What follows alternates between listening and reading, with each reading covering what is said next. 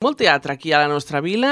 Acabem de parlar d'una de les opcions que tenim a la Passió d'Esparreguera i tenim una altra, el Patronat Parroquial. I és que estem en el marc del setè concurs de teatre del certamen mossèn Joaquim Vives, que és el nom d'aquest any, d'aquest eh, concurs que organitza el Patronat Parroquial cada any, des de fa set edicions, i, i resulta que aquesta setmana tenim la representació de l'obra Un marit ideal d'Oscar Wilde, aquest diumenge a les 6 de la tarda, i és per això que parlem amb el fundador i actor principal de la companyia de teatre de Figueres, T4, que ens porta en aquesta obra. El Jaume Pujades. Molt bon dia, Jaume. Hola, molt bon dia. Què tal, com estem? Molt bé, passant molta fred perquè estem a la setmana dels barbuts i, i es nota, I, sobretot aquí a l'Empordà. I s'està notant, a l'Empordà sí. i aquí al Baix Llobregat també, eh? També sí. ho estem notant, o sigui que no ho penseu, aquí el diumenge potser ja ha passat aquesta onada de fred, de fred, eh, com li diuen, eh, siberià, no? Sí. Sí, o sigui que estarem una miqueta millor, però vaja, eh, s'està a la mar de bé, aquí a Esparreguera. És la primera vegada que vindreu aquí a la nostra vila, per cert? Sí, és la primera vegada que venim i estem molt contents perquè ens van presentar amb la il·lusió de, de poder concursar i doncs ens van escollir i això sol ja és un gran privilegi que t'escolleixin en els concursos i per nosaltres eh, ens fa molta il·lusió conèixer un nou escenari i una nova ciutat en la, en la que actuar. Uh -huh. Des de quan eh, porteu als escenaris de teatre dels diferents, eh, bé, dels diferents pobles aquesta representació d'un marit ideal?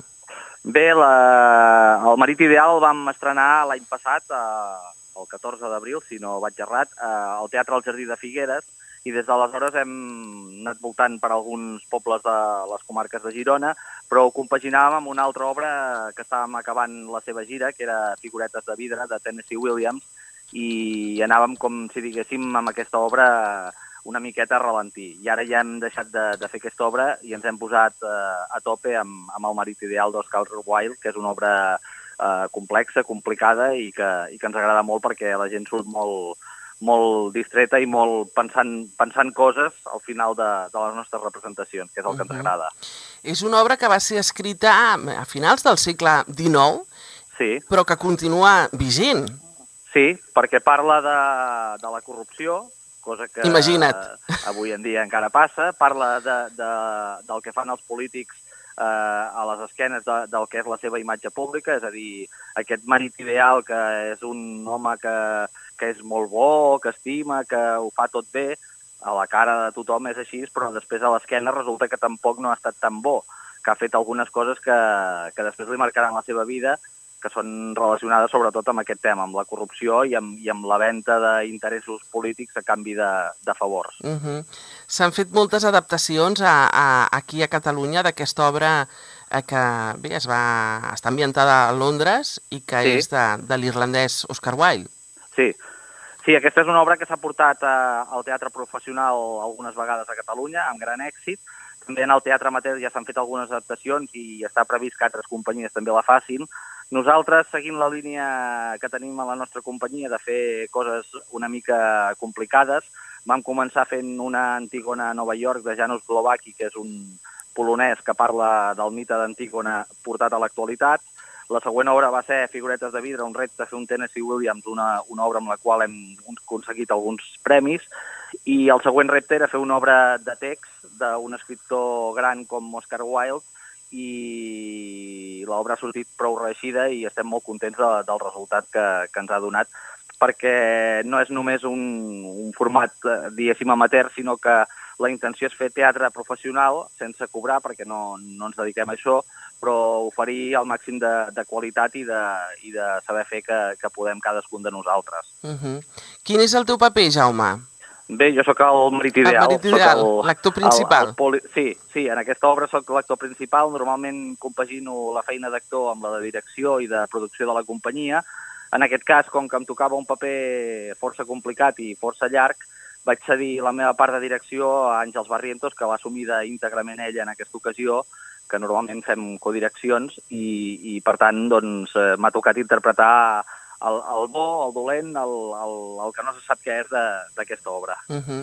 La vostra versió està ambientada a Londres, igual que l'original? Eh... Sí, L'únic que hem fet és desplaçar-la de, de temporalitat, és a dir, l'hem portat a l'actualitat, anem vestits amb, amb roba actual, eh, treballem amb, amb iPhones, vull dir, no, no estem escrivint cartes, eh, l'hem actualitzada en quant, en quant a aquests eh, objectes, en, la, en, el, en el text també hem afegit algunes coses noves, però vam fer una investigació i vam veure que els fets que havien ocorregut a finals del segle XIX es repetien a finals del segle XX, és a dir, no calia descontextualitzar el que passava en el text, el tema dels canals de Suez, d'Argentina, continua vigent, el canal de Panamà continua sent un, un problema, els diners de Panamà, tot, totes aquestes coses continuen totalment vigents, és a dir, no hem hagut de canviar res del text, només hem adaptat els personatges, que n'hem eliminat alguns amb permís de, del, del traductor de l'obra i també creiem que amb permís de, de l'autor, eh, adaptant eh, aquesta part de, de personatges que no teníem, perquè la nostra és una companyia formada per pocs actors, uh -huh. integrant-los en, en textos de, dels altres personatges i, i fent la versió una miqueta més reduïda de, del que és l'obra original. Uh -huh. I, I el resultat eh, suposa quants actors eh, sobre l'escenari? Som sis actors en l'escenari, som la parella del marit ideal i, i el marit ideal, diguéssim, uh, la germana del marit ideal, i després hi ha un gran amic, que és uh, Arthur Goring, que és uh, un dels que porta la trama principal de tota la història, i hi ha una dolenta, que és la senyora Chevely, que és la que origina tot el conflicte de l'obra, i després hi ha una, una altra persona que és una mica la que fa que tot estigui una mica dis, més distendit, que no sigui tan seriós, que és la Lady Marby, que és la que porta una mica de frescura en alguns moments que la cosa es posa una mica seriosa. Uh -huh.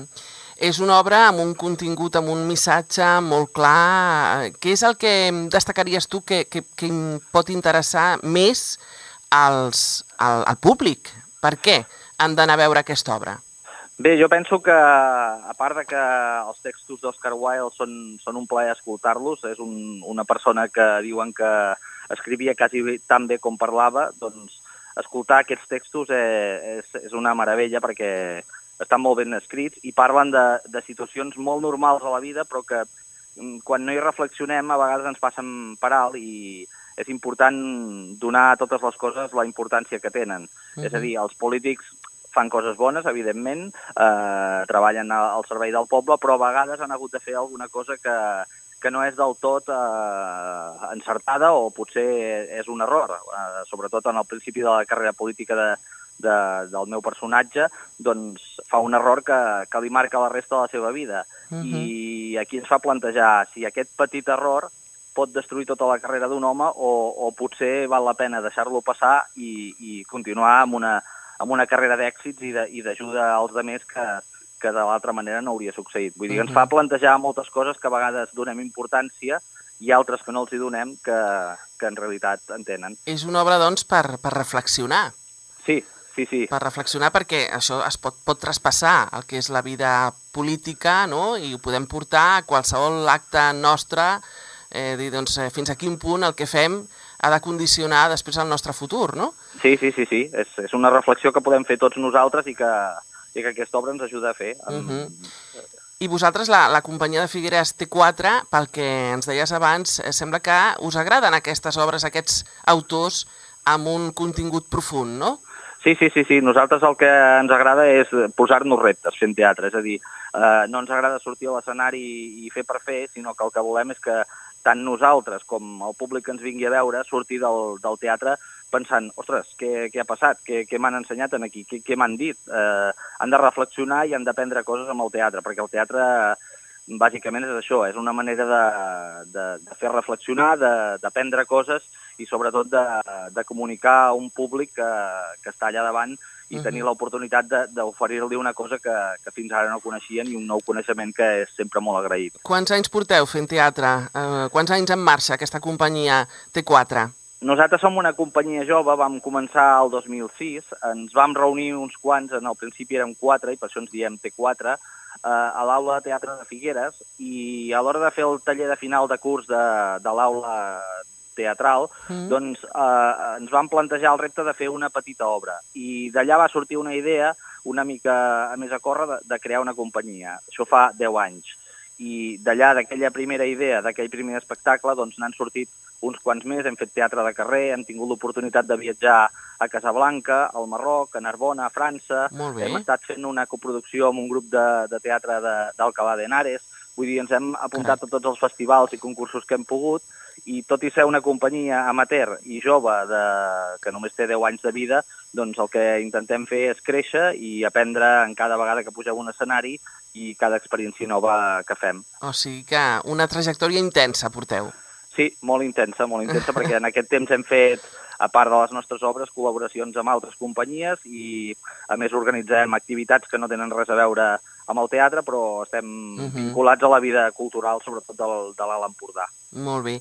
Doncs Jaume Pujades, fundador i actor principal d'aquesta companyia de teatre de Figueres, T4, moltíssimes gràcies per atendre la nostra trucada, per explicar als nostres oients eh, una miqueta eh, els motius pels quals no s'han de perdre aquesta obra, aquesta representació d'un marit ideal d'Òscar Wilde que tindrà lloc aquest diumenge a les 6 de la tarda al Patronat Parroquial en el marc del setè concurs de teatre certamen mossèn Joaquim Vives que organitzen cada any el Patronat Parroquial per aquestes dates. Moltíssimes gràcies, que vagi molt bé, Jaume.